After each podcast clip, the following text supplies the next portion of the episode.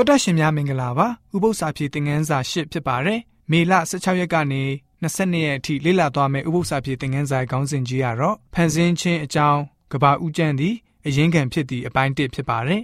ဖတ်မဲ့ကျမ်းချက်တွေကတော့ရှင်းဟန်ခရစ်ဝင်ခန်းကြီး1အငယ်1ကနေ3ကပောက်ကျမ်းခန်းကြီး1အငယ်3ကနေ9ထမြောက်ကျမ်းခန်းကြီး20အငယ်8ကနေ17ဗျာဒိတ်ကျမ်းခန်းကြီး14အငယ်9ရှမသက်ခရစ်ဝင်ခန်းကြီး19ငယ်3ကနေ6 ယောမဩရစာခန်းကြီး9ငယ်7တို့ဖြစ်ပါတယ်။အဓိကကျမ်းချက်ကိုတော့ရှင်ဟန်ခရစ်ဝင်ခန်းကြီး1ငယ်1ကနေ4မှာတွေ့နိုင်ပါတယ်။အစအဦး၌နှုတ်ကပတ်တော်ရှိ၏။နှုတ်ကပတ်တော်သည်ဖျားသခင်နှင့်အတူရှိ၏။နှုတ်ကပတ်တော်သည်လည်းဖျားသခင်ဖြစ်တော်မူ၏။ထိုနှုတ်ကပတ်တော်သည်အစအဦး၌ဖျားသခင်နှင့်အတူရှိ၏။ထိုနှုတ်ကပတ်တော်သည်ခတ်သိမ်းသောအရာတို့ကိုဖန်ဆင်းတော်မူ၏။ဖန်ဆင်းတော်မူခြင်းနှင့်ကင်းလွတ်လျက်ဖြစ်သောအရာတစ်စုံတစ်ခုမျှမရှိ။ထိုနှုတ်ကပတ်တော်၌အသက်ရှိ၏ ထိုအသက်သည်လည်းလူတို့၏အလင်းဖြစ်၏ဆိုပြီးတော့ဖော်ပြထားပါတယ်။ကပ္ပဦးကျမ်းအခန်းကြီးတွေဟာကျမ်းတမန်ကျမ်းတအုပ်လုံးအတွက်အခြေခံမူရင်းအကြောင်းဖြစ်ပါတယ်။တမန်ကျမ်းစာရဲ့သင်ကြားချက်နဲ့တွင်တင်ချက်အားလုံးရဲ့အရင်ခံကတော့ကပ္ပဦးကျမ်းအခန်းကြီးတွေကနေလာပါတယ်။သုံးမပေါင်းတစုရဲ့ပြုမှုခြင်းအလုံးစုံမှာ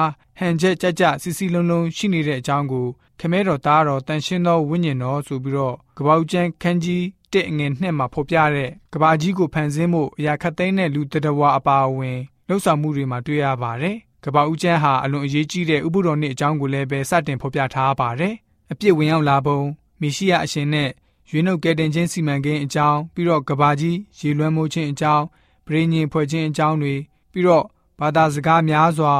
ကွဲပြားသွားတဲ့အကြောင်းတွေဖန်ဆင်းခြင်းအချိန်ကနေစပြီးတော့အာဗြဟံအချိန်အထိ မျိုးစဉ်ပေါင်ဆက်မတန်းတွေနောက်ဆုံးမှာဖျားရှင်ရဲ့နှုတ်ထွက်စကားတော်ရဲ့တကူးတွေကိုကျွန်တော်တို့တွေ့ရမှာဖြစ်ပါတယ်။နောက်ပြီးလူသားမျိုးနွယ်တွေရဲ့ပင်ကိုယ်တဘာဝပြီးတော့ဖျားရှင်ရဲ့စရိတတော်အကြောင်းယောက်ျားနဲ့မိန်းမလက်ထက်ထိမ်းများခြင်းအကြောင်းကဘာမြေနဲ့တယံဇာတတွေအတွက်ဗန္နာဇိုးအကြောင်းနဲ့ဖန်ဆင်းခြင်းအသစ်တဖန်ပြုလုပ်မဲ့ဂတိတော်တွေစတဲ့အရာအလုံးဟာဆိုလို့ရှိရင်ကဘာဦးကျန်းရဲ့အရှိပိုင်းအခန်းကြီးတွေမှာတွေ့ရှိရပါတယ်။ယခုတစ်ပတ်မှာတော့ အဲ့ဒီအကြောင်းအရာတွေကိုလေ့လာသွားမှာပဲဖြစ်ပါတယ်ဆိုပြီးတော့ဥပုံနဲ့ဥပု္ပ္ပစာဖြစ်တဲ့ငန်းစာကဖော်ပြထားပါတယ်။